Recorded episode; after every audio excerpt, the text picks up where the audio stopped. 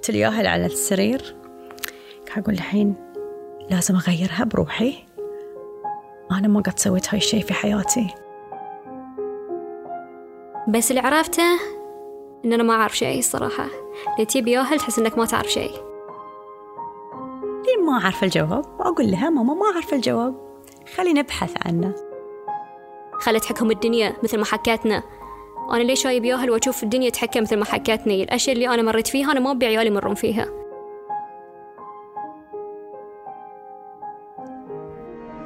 محاولة لمناقشة النقاط المفصلية في حياتنا. كل على سفر.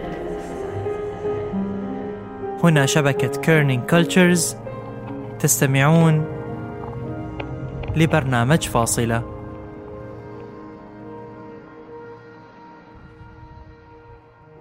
الأمومة. ومن مثل أمهاتنا أن تلد إنسانا آخر للعالم أن تكون أحد أسباب تكوينه وأساس نشأته وملاذه الأول أنك تكونين أم نعمة جوهرية. ما ممكن نوفي حق أمهاتنا وما بنطلع من جزاهم. لكن هل فكرنا شنو وراء هالمسؤولية العظيمة؟ مروة شريف أم لثلاث بنات. ميان 19 سنة جوان 16 سنة ودانا 10 سنوات. دعاء عيسى. أم لبنت وحيدة في عمر السنتين. آسيا. نسمع اليوم ما وراء رحلتهم في الأمومة. ونتعرف على أساليبهم في التربية ونظرتهم الخاصة لأطفالهم. مرحلة الطفولة من أهم مراحل حياة الإنسان. تتكون عنده قناعات وأسس كثيرة يبني عليها حياته. تتكون فيها شخصيته ويعرف الأشياء اللي تكون بالنسبة لها بعدين مسلمات. كل أم كانت طفلة وكان عندها أم. خلنا نرجع شوي ونسمع قصص مروة ودعاء في طفولتهم. دائما كانت تسمع دائما تحاكي لنا دائما تحاكي لنا كأنها صديقتنا. وأذكر وأنا وأنا أكبر كنت كلها كنت أقول أبي أصير أم مثلها إن نفسها مثل ما هي. وايد قريبه منا من الصبايا ومن البنيه يعني مو بس أنا كبنية حتى من إخواني. يعني حلوة هاي العلاقة بين الأم وعيالها. كنا نقدر نتحكى في أي شيء وكل شيء معاها. ما ما في شيء أخاف إنه مثلا أقول لا هاي ما بقدر أتحكى فيه مع أمي. كنت أقدر أحاكيها في كل شيء ولليوم أقدر أحاكيها في كل شيء. وساعات أصلا أحس إنه لحظة كنا هي مو بأمي كنا ساعات يعني ينعكس الدور. ان كنا أنا امها وهي بنتي وأشوف نفس الشيء في بناتي إنه مو دائما أنا الأم. ساعات أنا الصديقة ساعات أنا كنا هم اللي ماما ما تسوين هاللون غلط. يعني و... واتقبلها أبوي كان وايد ولي كذي من النوع اللي ما يقول لنا لا. وهو الأبو اللي مثلا في نهاية الأسبوع تبي نطلع ما لازم نفكر مين بيودينا من بيبني لأن أبوي اللي بي بياخذني وبيروح بمر على رفيجاتي واحدة واحدة وبيودينا المكان اللي إحنا بنروحه وبعدين بيرجعنا واحدة واحدة. آه، علاقتي في أمي يوم كنت صغيرة كانت يعني علاقة شوي تراديشنال أن هذه أمي هاي الشخص اللي أحتاجه اللي يلبي احتياجاتي خصوصا يعني في فتراتنا يوم إحنا كنا صغار كان دائما مثلا الأب هو اللي يشتغل تقريبا يعني في العوائل البحرينية الأب هو اللي يشتغل عند الوظيفة. الأم عادة تكون رابط بيت وهي اللي تهتم في الأبناء وهي اللي تلبي احتياجاتهم آه، تطبخ ترتب تنظف تهتم فينا بهالطريقة. صراع الدراسة أزلي. كل جيل تتكون عنده نظرة ثانية وكل عائلة تتعامل مع هالموضوع بقناعاتها. لكن لو شنو كانت وجهة النظر ما حد يأيد المقارنة بين الأطفال. كل طفل قدراته ومهاراته غير عن الثاني. الدراسة وايد مهمة. النشاطات اللي خارج المدرسة كانت وايد مهمة. فمن كذي ما قد كان صيف عندنا فراغ. دائما يكون عندنا شيء إن إحنا نستفيد منه. في الدراسة اللي أحبه وايد يعني في أمي وأبوي إنه ما كانوا يضغطون علينا في الدراسة كلش. كان وايد عندهم ال concept إنه okay أنت ما شاء الله عليك ذكي شاطر مو بلازم تثبت لي هاي الشيء بدرجاتك. دام أنا أشوفك أنت آه، مبدع في أشياء ثانية يمكن أنت مو بلازم تكون شاطر في الرياضيات بس آه، عندك موهبة في شيء ثاني. ممكن هالموهبة هي اللي يعني اللي بتغير مسار حياتك. آه، ما كانوا يقارنونا في أحد إنه تشوف مثلا ذلين يصيرون لك متفوقين ذلين شو اسمه هاي المقارنه ما كانت عندنا الحمد لله. يعني هاي الشيء إنه كان هاي الشيء المقارنة دائما تأثر على نفسية ال- الواحد. فكانوا دائما يشجعونا في الأشياء اللي إحنا كن- كنا نحبها. يعني يمكن هذا الشيء وايد كان بالنسبة لي مهم. لأن خذيته من أمي وأبوي. إن إحنا ما تقارنا. ما قط يعني أنا كان عندي توين إنزين آه ما تقارنا ما قد تقارنا إن مثلا هذه مثلا أشطر من ذي ولا هذه غير عن شخصية ذي. فهاي اللي أنا سويته. هويتنا تتغير بعد مرورنا بنقطة مفصلية. وقبل لا تكون الأمومة فاصلة في حياة دعاء كان في فاصلة ثانية. الحب والزواج. يمكن اللي عارفني آه، وهو يسمع كلامي يمكن يضحك.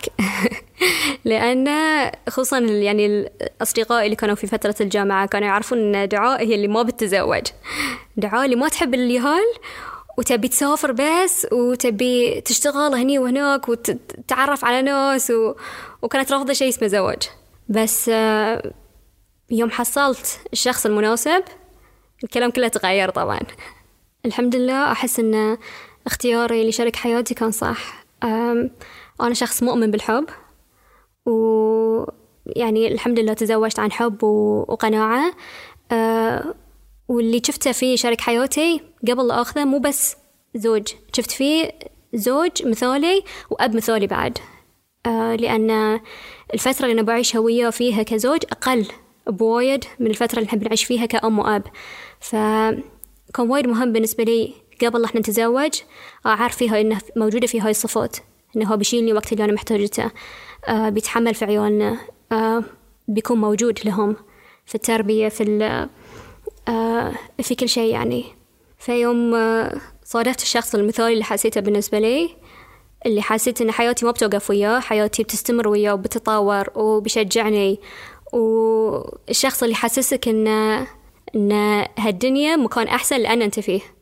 قرار عدم الإنجاب أو تأجيله في مجتمعاتنا للحين تابو. مسار حياة الزواج ما يقتصر على الإنجاب. كل زوجين حياتهم ممكن تكون كاملة من دون أبناء. لكن ممكن يخسرون شيء جدا جميل. شعور الأمومة أو الأبوة. دعاء وزوجها محمد قرروا يأجلون الإنجاب لين ما يكونون أنفسهم ومفاهيمهم للتربية ويحصلون الحل الوسط بين عقليتين. في الزواج إحنا نعرفه يعني هاي الدورة الرتيبة اللي الشخص يتزوج و... ويحس إنه خلاص مجتمعيا الواحد يتزوج ويجيب عيال آه، مع إن الواحد مو بلازم يسوي ذا الشيء. وفي ناس وايد تأجل هذا الموضوع لأن تحس إن حياتها بتوقف مع ال... ال... اللي هو اليابا وأطفال. بس إن أنت تجيب ياهل حق هالعالم ما بيكون في وقت مناسب. مستحيل تكون أنت 100% مستعد عشان أنت تجيب تخلق يعني آه، إنسان في هذا العالم. كان في understanding بيني وبين زوجي إن إحنا في بداية آه، زواجنا ننتظر قبل أن نجيب عيال لأن هاي الفترة من حياتنا ما بترجع. الفترة اللي إحنا نكون فيها بروحنا بدون هاي المسؤولية العودة اللي هي الطفل في أن نستغلها في إن إحنا نحاول نكون متفاهمين أكثر مع بعض ندمج ال- الحياتين مع بعض. كل واحد منا جاي من يعني خلفية مختلفة من ثقافة مختلفة من من تربية مختلفة. فنحاول إن إحنا نتفق على سيستم معين نحاول فيه ندمج الاثنين. الحمل أول خطوة في مسار الأمومة الطويل ولا بد من الاستعانة بشتى الطرق والوسائل اللي بين يدي مروة عشان تفهم كل اللي قاعد يصير. لكن لما يصير الصج تنقلب كل الموازين. يوم يوم حملت كان شيء غريب. يعني حتى مثلا يوم كنت ال morning sickness مو بشيء سامعة عنه. فبديت هني رحلتي مع الكتب مع اليهال. فطلبت كتاب دكتور سيرز The Pregnancy Book. وهاي خلاني إن أنا okay قاعد أ... فكل كنت أق... والحلو فيه انه هو شهر بشهرة. فكنت أقرأ الشهر وأعرف شنو قاعد يصير فيني وشنو قاعد يصير في الياهل. وحتى مثلا مثلا إذا. الكتاب قال لازم ما تأكلين هالشيء ما أكل هالشيء إذا الكتاب قال لي لازم تسوين هالشيء أسوي هاي الشيء فوايد كنت أروح على الكتاب لأنه ما يعني ما عندي خبرة من قبل.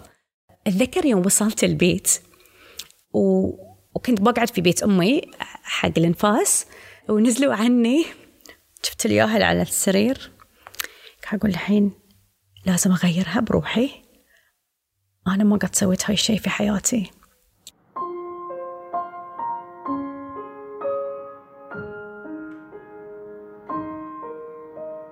وبعد ما تمر صعوبات أول الأيام لما يبدأ الطفل يكبر قررت دعاء أنها تتخذ حدسها كبوصلة للتربية.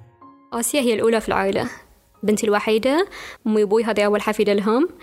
آه أنا ومحمد هذه أول بنية لنا. فيكون صعب شوية إن أنت شنو الاتجاه اللي تبي تتخذه في التربية. بس اللي كنت أعرفه أمي بالمية إن أنا ما أسمع كلام الناس. آه مو بلأن تربيتهم أشوفها من عكس في عيالهم. وحتى لو أشوف التربية صحيحة اللي هم قاعدين يأخذونها أنا كان لي آراء مختلفة. لأن ما حد يعرف عيالك كثرك أنت أنت اللي آه، معاهم طول الوقت وأنت وأنت اللي تعرف شخصياتهم وتعرف آه، شنو ممكن يمشي معاهم شنو ممكن لا. إذا آسيا سوت شيء وأني تبي يعني أعالج الموضوع أعرف الخطوة اللي أنا أتخذها. ما أنتظر أحد يقول لي قاعد تسوينه غلط. أنا كان عمري سبعة وعشرين سنة يوم اللي جايبة آسيا okay كنت توني صار سبعة وعشرين. فحسيت إن أنا يعني عشت يعني عشت تجارب بما فيه الكفاية يعني إن الحمد لله يعني مرينا بصعوبات و... و... وشفنا ناس وتعرفنا على ناس وتخاصمنا ووايد يعني شو اسمه اشتغلنا وطلعنا يعني مرينا بتجارب وايد. بس اللي عرفته إن أنا ما أعرف شيء الصراحة ومثل ما قال سقراط اكتشفت دعاء إنها ما تعرف شيء. كل التجارب والمصاعب اللي مرت فيها ما علمتها شيء عن كيفية التعامل مع هاللحظة. ومن اللي كان المربي الحين آسيا. اللي تجيب تحس إنك ما تعرف شيء؟ لو شنو لو شنو قريت لو شنو قالوا لك الناس ونصحوك بتحس ان أنت ما تعرف شيء. بتحس إن هاي ال ال الإنسان اللي طوله شبرين قدامك يتحكم في حياتك يتحكم في نومك. زين. وانت تفكر كنت انه لا أنا I'm in control أنا اللي بحط sleep schedule أنا اللي بأكلها لهاي الأكل. أنا اللي بختار لها الثياب. تبتدي تكتشف انه لا أنا مو بس قاعدة أربي أنا قاعدة أربى بعد. الصراحة الشيء اللي اكتشفته إن أنا كنت أربى مع بنتي في هاي السنتين ونص اللي مروا مو بس أنا ربيتها هي ربتني. It goes both ways يعني. آه في وايد أشياء تعلمتها منها. في أشياء يعني الشيء الحلو إن هاي اللي عمرها سنتين ونص في أشياء حسستني فيها إن أنا أول مرة أعرفها أو أول مرة أحس فيها. يعني مثلا أول مرة وديتها البحر أول مرة مر الماي على ريلها. تشوف إحساسها شعورها تفكر شنو هذا الشعور؟ تحس إن أنت بعد هاي you experience this for the first time. آه شعور الحشيش أول مرة تجيسه وتنقرف منه تبتدي تحس إنه صج شنو ذي؟ يعني نظرات التعجب اللي على وجهها كانت أول مرة ركبت طيارة. شنو هذا المكان؟ شنو هاي شو نسوي إحنا هني؟ كل هالناس في مكان واحد تحس إن الياهل متضايق وشي. تبتدي تحس فيه. إحنا كنا نتضايق من الياهل في الطيارة اللي يصيحون. وأنا كأم أتوتر وأحس إنه لا الوضع صدق يوتر يعني. بس إنه في وايد أشياء يعني I experienced it كنا for the first time معاها هي. وهي تجربها لأول مرة. مروة تتفق مع جبران لما قال أولادكم ليسوا لكم. أولادكم أبناء الحياة المشتاقة إلى نفسها. لكن عندها تشبيه طريف عن هالمنظور. إحنا كأباء وأمهات يعني ساعات نحس إن عيالنا لازم يسوون الأشياء اللي إحنا كان خاطرنا نسويها. ولازم يكونون نسخة منا أو نسخة من ال... من الأصل اللي إحنا كنا خاطرنا إحنا نكونه. ووايد نغلط في هاي الشيء. بس لين نعرف إن ترى هم مو بنسخة من بعض ومو بنسخة منا كل واحدة عندها شخصيتها وكل واحدة عندها يعني حياتها. أنا موجودة علشان أساعدها للوصول إلى هدفها بس مو علشان أقول لها وين الهدف. الحلو في ال في ال في العيال إنهم كأنهم بطيخة. زين أنت ما تعرف شلون البطيخة بتطلع. كل بطيخة غير عن الثانية. زين بس هي الفكرة إن هي إذا البطيخة مثلا وايد حالية بتسوي فيها عصير. إذا شوية شوية مثلا مو بوايد حالية بتزيدها شكر أو مثلا بتستخدمها حق شيء ثاني أو بتستخدمها حق سلطة. بس انه يعني ما يصير أنا أقرر إن كل البطيخ لازم يصير عصير. وبعدين إذا البطيخ مو بحالي لازم أسوي شيء عشان أسوي عصير. لا ما يصير. لأن كل واحدة شخصيتها غير. و... وعلى شخصيتها لازم أنا أغير ال... طريقة التعامل أو طريقة التربية. وبنغلط ونغلط ونعدل ونحاول نعدل.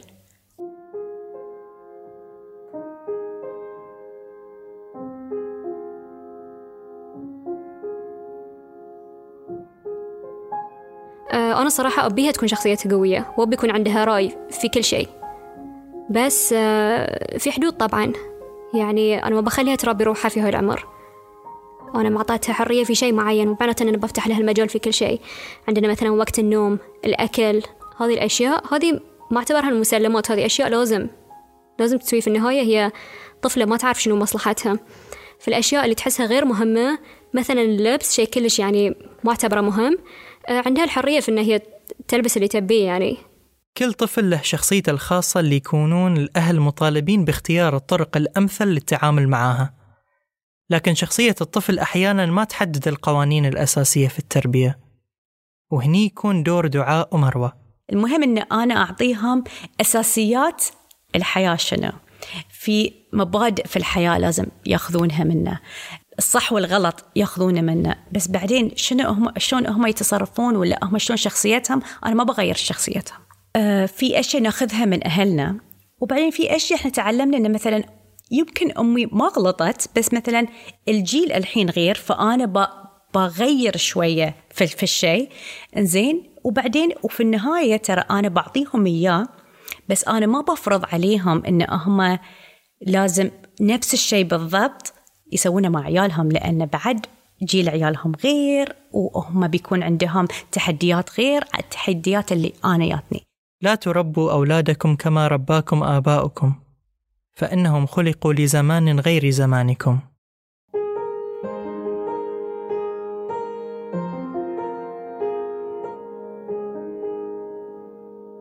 هو مهما يكون لازم الأم هي اللي تكون موجودة دائما مع عيالها ودائما تسمعهم.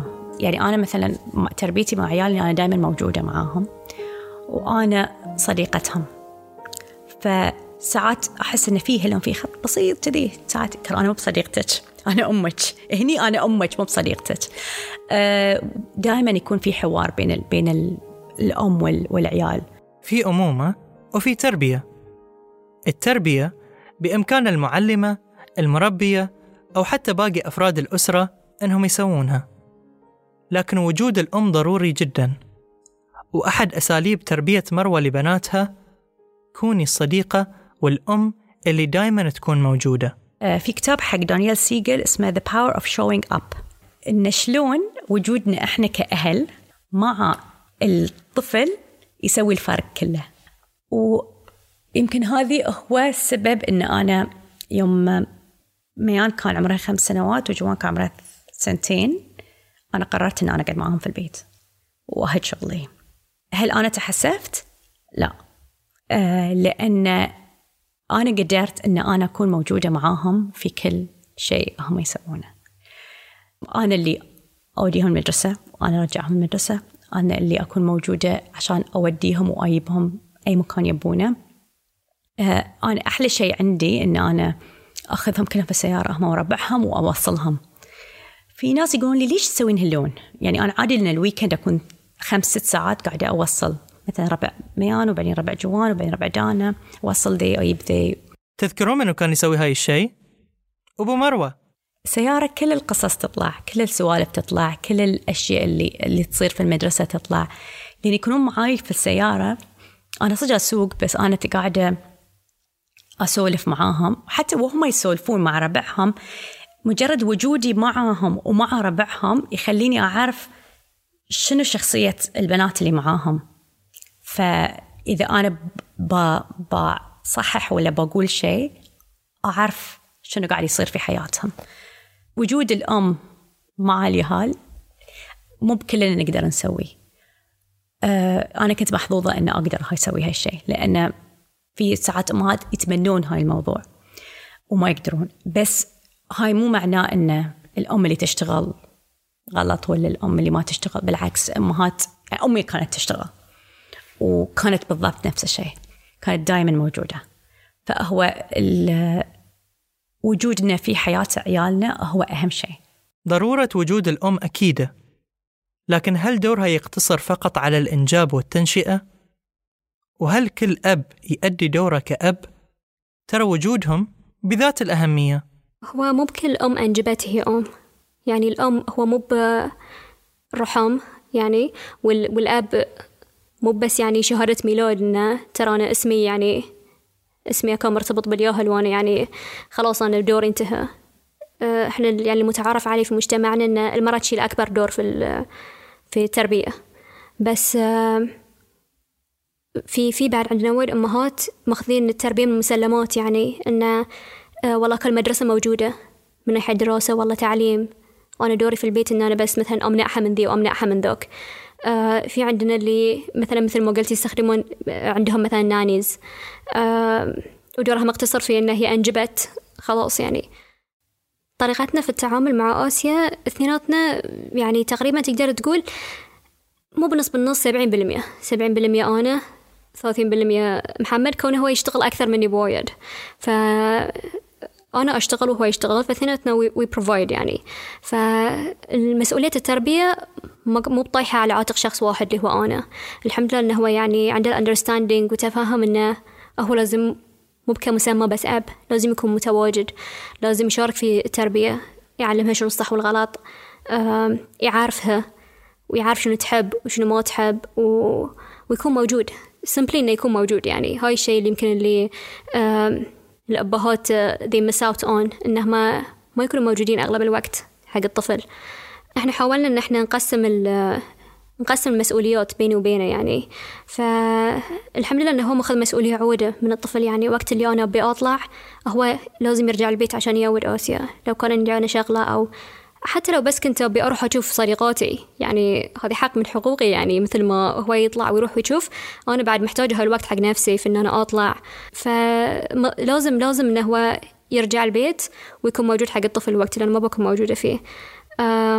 طبعا أنا أروح له قبل أروح حق أي أحد ثاني لأن هو النصف الثاني من من هذه من هاي العلاقة. فلازم هو اللي ياخذ المسؤولية مو بأمي مو بخواتي مو بحمواتي هو اللي لازم يكون موجود.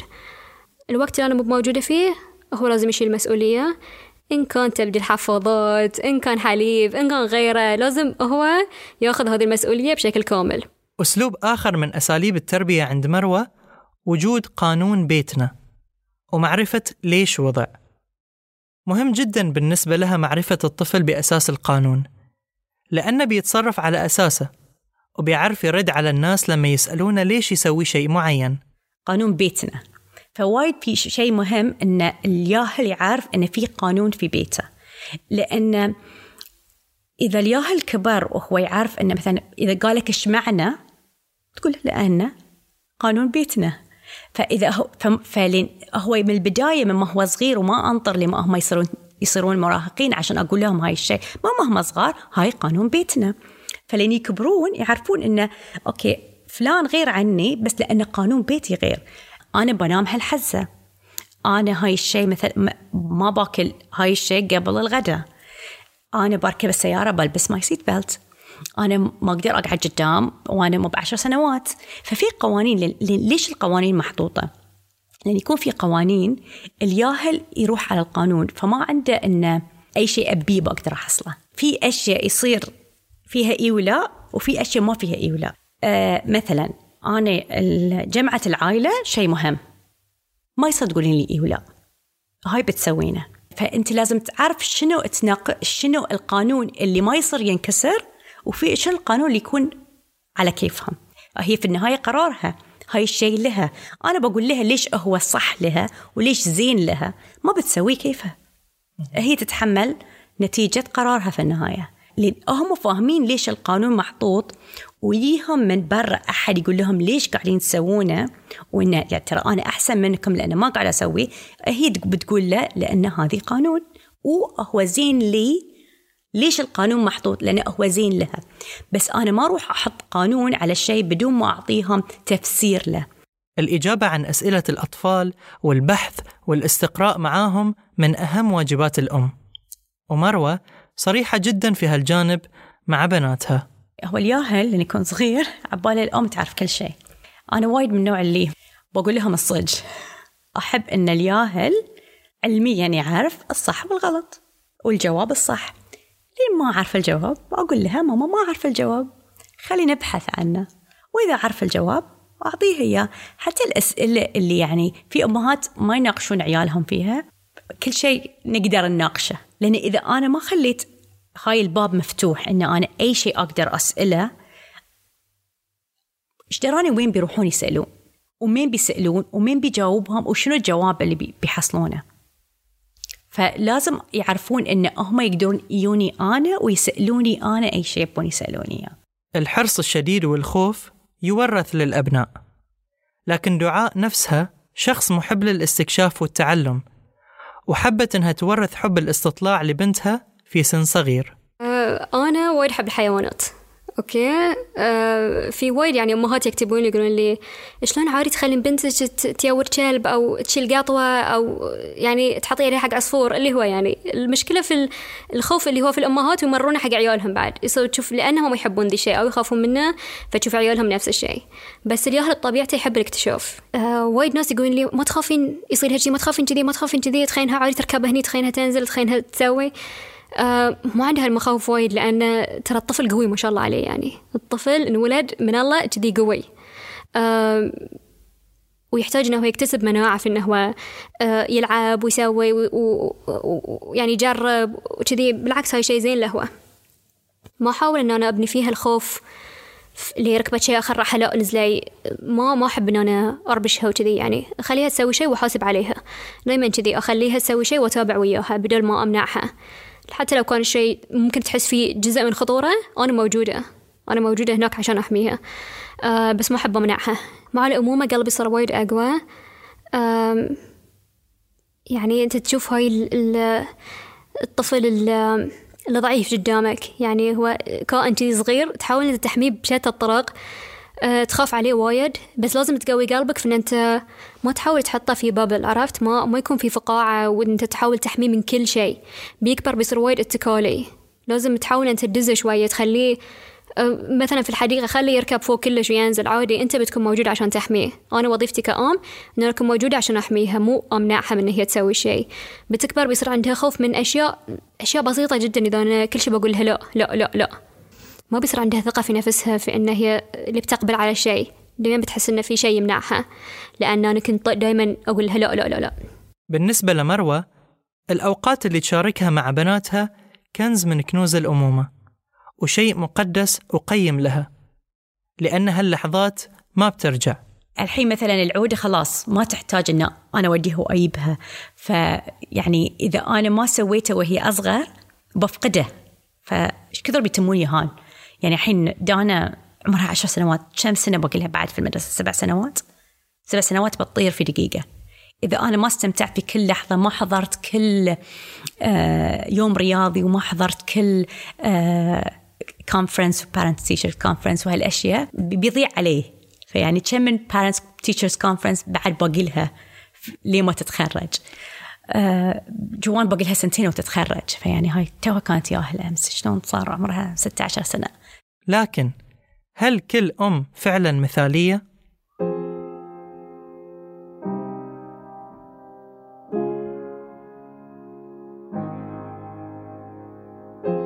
كل أم تحاول اللي تقدر عليه انها هي تصير أم. The best mother. إنزين every mother is the best mother for her kids. أنا أقول كل الأمهات قاعدين يحاولون قدر استطاعتهم أن يكونون أفضل أم حق عيالهم. ما في أم مو بأفضل أم حق عيالها. كل أم تحاول أن تكون أفضل أم حق عيالها. بس كل واحد غير عن الثاني. الأمومة مو بشيء أنا أقول أقول 1 2 3 4 5 إذا أنا سويت هاي الأشياء معناه أنا أم زينة لأن ما في أم كاملة.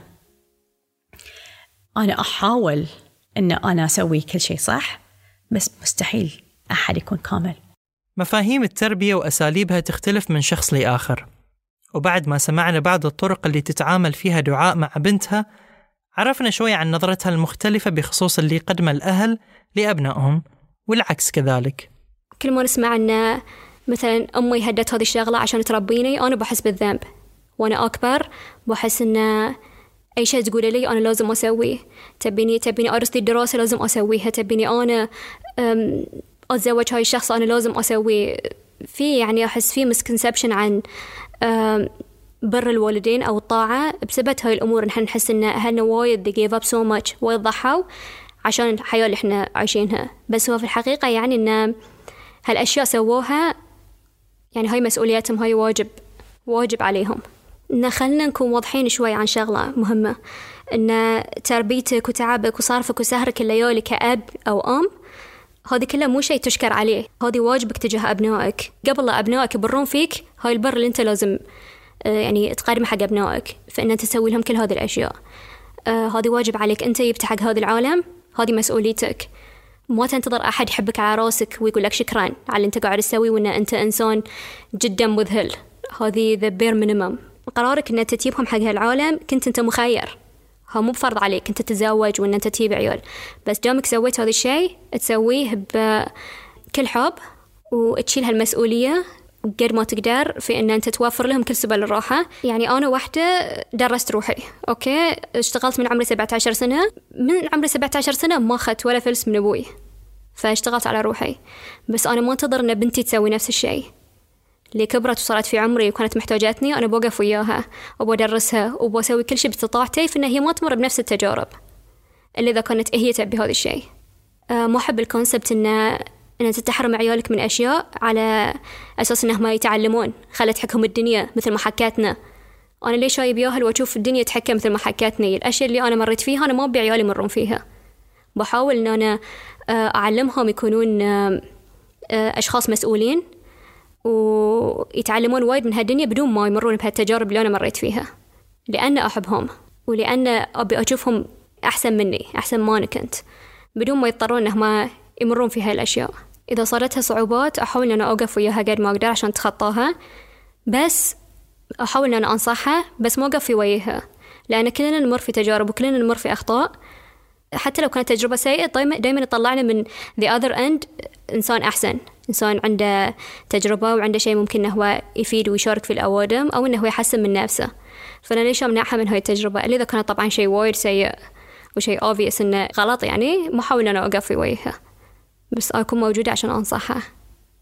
أحلى طريقة ممكن تربي فيها عيالك هي بالطريقة اللي يشوفونك فيها ويكتسبون منك العادات والصفات اللي تنزرع فيهم بشكل تلقائي بكل حب. الأمومة مو بأن أنا أعلمهم شنو يسوون. إن أنا أكون المثال اللي هم يشوفونه. لأن الواحد يقول حق الياهل صح وغلط غير لأن هو يسويه قدامهم. يعني لأن يشوفوني أنا شلون أتعامل مع الأوادم. هذه هو بروحها تربية. لأن هم يشوفوني أنا شلون مثلا أحب إن أنا أتعلم هاي بروحها تربية. لأن يشوفوني مثلا شلون أحب مثلا أتطوع هاي بروحها تربية. يوم وقفت إن أنا أحط طاقتي كلها في إنه شنو لازم اليوم نتعلم؟ شنو لازم باجر تسوي؟ شنو لازم الأسبوع الجاي أعطيها؟ مجرد إن إحنا day to day يعني طريقة تعاملنا مع بعض قامت تنعكس عليها في موضوع التربية بدون ما أنا أحاول أن أمرر الشيء لها. يعني مثلا لو أعطيتها شيء وقلت لها قولي شكرا زين ما أحاول أنا مثلا كل ما أعطيها أقول لها قولي شكرا قولي شكرا. لاحظت انه يوم بديت أوقف هاي الأشياء إن قولي هاي الشيء أو سوي هذا الشيء بديت بروحها تكتسبه من إحنا من طريقة تعاملنا مع الأهل ومع زوجي. فمن من خلاص من أعطيها شيء بروحها من نفسيتي تقولي شكرا بدون ما أعلمها يعني. ما قد خطر في بالي إن أنا أقولها قولي سوي.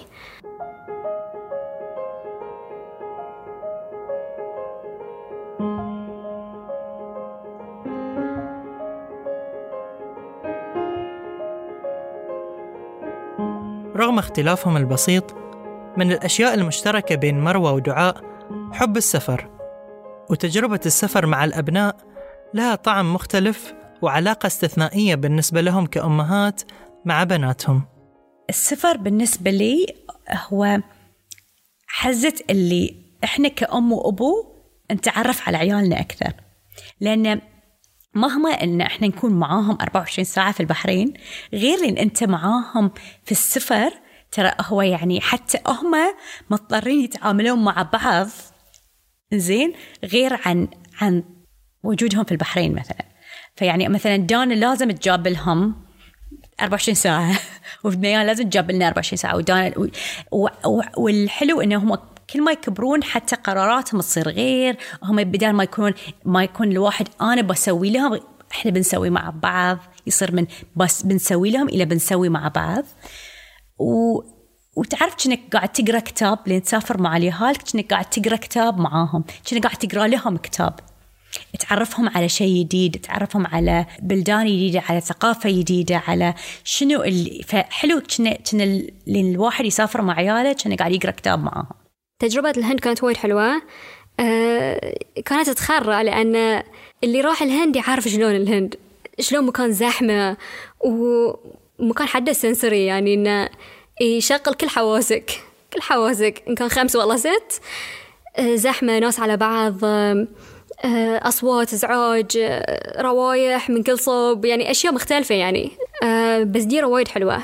غنية بالثقافة وايد. فمن عمر صغير إن هي تشوف هذا الشيء كان حلو لأن أشياء غريبة يعني أنت تمشي في الشارع مرة واحدة تشوف سبلون يمينك يسارك فتشوفها تقول أوه monkey monkey وتروح تقلدهم طلع أصوات مثلهم. فمن عمر صغير تشوف هذا الشيء تشوف أن العالم ترى مختلف عن المكان اللي هي عايشة فيه. تعرف على ناس غير عنها. بالشكل بالكلام بطريقة اللبس. تبتدي يصير عندها تقبل. إذا قاعدة تكبر من عمر سنتين وبعدين عمر ثلاث سنوات أنت تروح وتشوف مكان ثاني والأربع وهذه يبتدي يصير خلاص عندها تقبل حق الثقافات الثانية. ما انتظرها أن هي تكبر وتصير في عمر وبعدين تسافر ويصير لها cultural shock. تشوف إنه لا هاي الناس غير عنا إيش قاعدين يسوون. بتحس إن ذي الناس غلط وإحنا صح. بتحس إن إن إحنا عندنا أف... إن إحنا يعني عندنا أفضلية عليهم. إن إحنا متميزين عليهم في شيء. في الواقع ما حد تميز على الثاني بشيء. كل حضارة مختلفة عن الثانية. فكان وايد مهم بالنسبة لي إن هي تشوف هاي الشيء من وهي صغيرة. تحس إن هذه عادي. مو بشيء تعلمه على كبر. اللي أحبه فيها إن هي وايد outgoing يعني تحب تتعرف على الناس تروح من نفسها تسلم على الأوادم وشي وأنا أخليها. دوم هي تحت عيننا أنا أخليها تروح وت... وتسلم وتسولف وذي. أحب أشوفها. أحب أشوفها تندمج مع الناس. وايد مهم بالنسبة لي إن هي يعني تخرج من نطاق البيت والأهل ويعني الحياة يعني القوقعة اللي هي عايشة فيها حاليا هل تغيرت هوية مروة ودعاء بعد هالسنوات من الأمومة؟ هل خسروا نفسهم في هاي الرحلة؟ يعني أنا أشوف روحي للحين نفس الشخص يعني أروح داخل مروة ما أحس هي بس أم هي للحين بعد مروة اللي بروح أجرب أشياء جديدة وبروح أبي أتعلم شيء جديد كل يوم. الحمد لله أقدر أقول إنه ما خسرت نفسي في في الدرب هذه اللي هو الأمومة في إن أنا أنشأ شخص ثاني.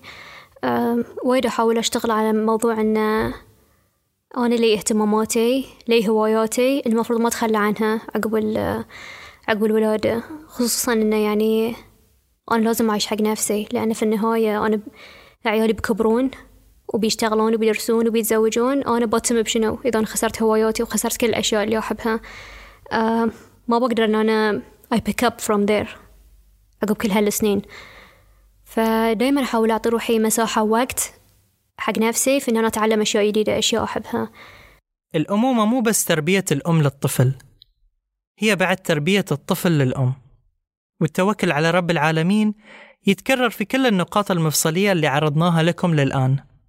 وثمرات الأمومة تبين بين الطرفين. أه أن أنا أتقبل. أن التربية ما توقف هي مشوار. علمتني أن أنا لازم أسوي اللي أنا أقدر عليه والباقي على رب العالمين. وإن إن العيال أمانة. ولازم هالأمانة نحافظ عليها. هي نعمة هي أمانة ونعمة. فإحنا نسوي اللي نقدر عليه وبعدين الباقي في يد رب العالمين. هو في النهاية كل شيء في يد رب العالمين. بس إن إحنا يعني تعرف اللي نقول اعقلها وتوكل؟ ف شلون إحنا نعقلها؟ إن إحنا نسوي اللي إحنا نقدر عليه. بس في النهاية ترى هو في يد رب العالمين. فما علمتني إن أنا ما ألوم روحي إذا الشيء صار غلط. ما ألوم روحي إذا مثلا آه شيء في شخصية مثلا بنتي ما عجبتني مثلا آه أو مثلا قرار اتخذته ما عجبني مثلا. ما ألوم روحي إن, أنا سويت الغلط. أوكي إحنا الأمهات وايد نلوم روحنا. وايد نحمل روحنا هاي هاي الموضوع يعني آه إن أنا أخس أم في الدنيا لأن الحين مثلا بنتي قاعدة تسوي الشيء الفلاني. زين هي ما سوت شيء. بس لاني مثلا مثلا قاعدة في حجرتها ليش ليش هي قاعدة في حجرتها وما تقعد معي فهاي أنا ما عرفت أربي. لا ترى هي شخص عنده خصوصيته عنده حياته. يقولون بأن الحب اللامشروط الوحيد في العالم هو حب الأم لعيالها. هل هذه حقيقة مطلقة أم كل شخص فعلا ينتظر مقابل للي يعطيه وهل الفخر ممكن يكون أيضا من الأبناء لأمهاتهم؟ وأنا ما أشوف أحد يعني يتكلم عن شلون تخلي عيالك يحسون بالفخر منك. دائما نشوف أنه آه، العكس يعني. الأبهات هم يكونوا فخورين بعيالهم وإنجازاتهم أنا اللي أبيه أن أبي بنتي تكبر يعني وتحس إن وتحس بالفخر فيني وفي الإنجازات اللي أنا سويتها وهي موجودة. عقب ما جبت آسيا عرفت أن هذا الحب الغير مشروط. ما تنتظر ان هي تسوي لك شيء زين عشان أنت تحبها زياده أو ما تنتظر منها شيء. يعني تسوي تسوي شيء من نفسك مو بس لأنه واجب ولا لأنه مسؤولية لأن أنت حاب هاي الشيء. وما تعطي 100% تعطي 10000% يعني منه. مثلا أشوف مثلا بنتي ولا أشوف شخصيتها ولا أشوف إنجازها ولا أشوف طريقة معاملتها مع الأوادم أو آه، طريقة تحملها مسؤولية والأشياء الحلوة اللي فيهم أكيد بكون وايد فخورة. حبي حق عيالي أكيد غير مشروط. ما مو بلازم مو بلازم بنتي تسوي لي الشيء عشان أحبها. مو بلازم بنتي تكون آه، شخصية معينة عشان أحبها. مو بلازم تكون شيء معين عشان احبها لا أنا بحبها regardless. الإحسان والإخلاص والحب الصادق بصمة الأهل في تربية الأبناء. بالشكر تدوم النعم. ف شلون إحنا نشكر رب العالمين على هاي النعمة اللي عندنا إياها؟ إن إحنا يكون في إحسان في تربيتنا. لأن يكون في إحسان في إن إحنا نحاول قدر المستطاع إن إحنا نسوي أحسن شيء هني الواحد يقدر يحصل روحه.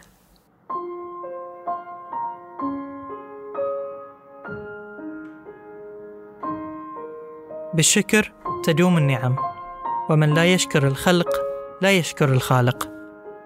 إلى مروى شريف ودعاء عيسى. إلى كل أم تسمع هالحلقة وكل أم قاعدة تأدي دورها بإخلاص وإحسان وحب. بكم نزهر بكم نكون كما نجب أن نكون. الحب اللامشروط من الأهل هو رزق الله للأبناء. نعيش بهذا الحب ولأجله.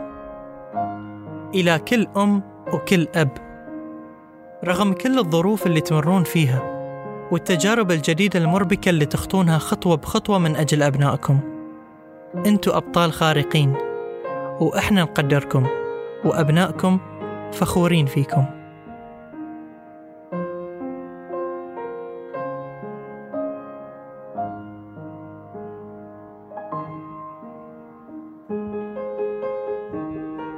كانت هاي الحلقة الرابعة من فاصلة. من إعدادي وتقديمي أنا محمد جعفر تحرير زين البستقي الهوية البصرية من تصميم هاجر الدغيمي والتأليف الموسيقي لكوثر مصطفى. لا تنسون تشتركون في القناة وتقيمون الحلقة على أي منصة بودكاست تستمعون لنا منها وشاركوا الحلقة مع اللي تحبونهم. إلى أن نلقاكم في نقاط مفصلية أخرى.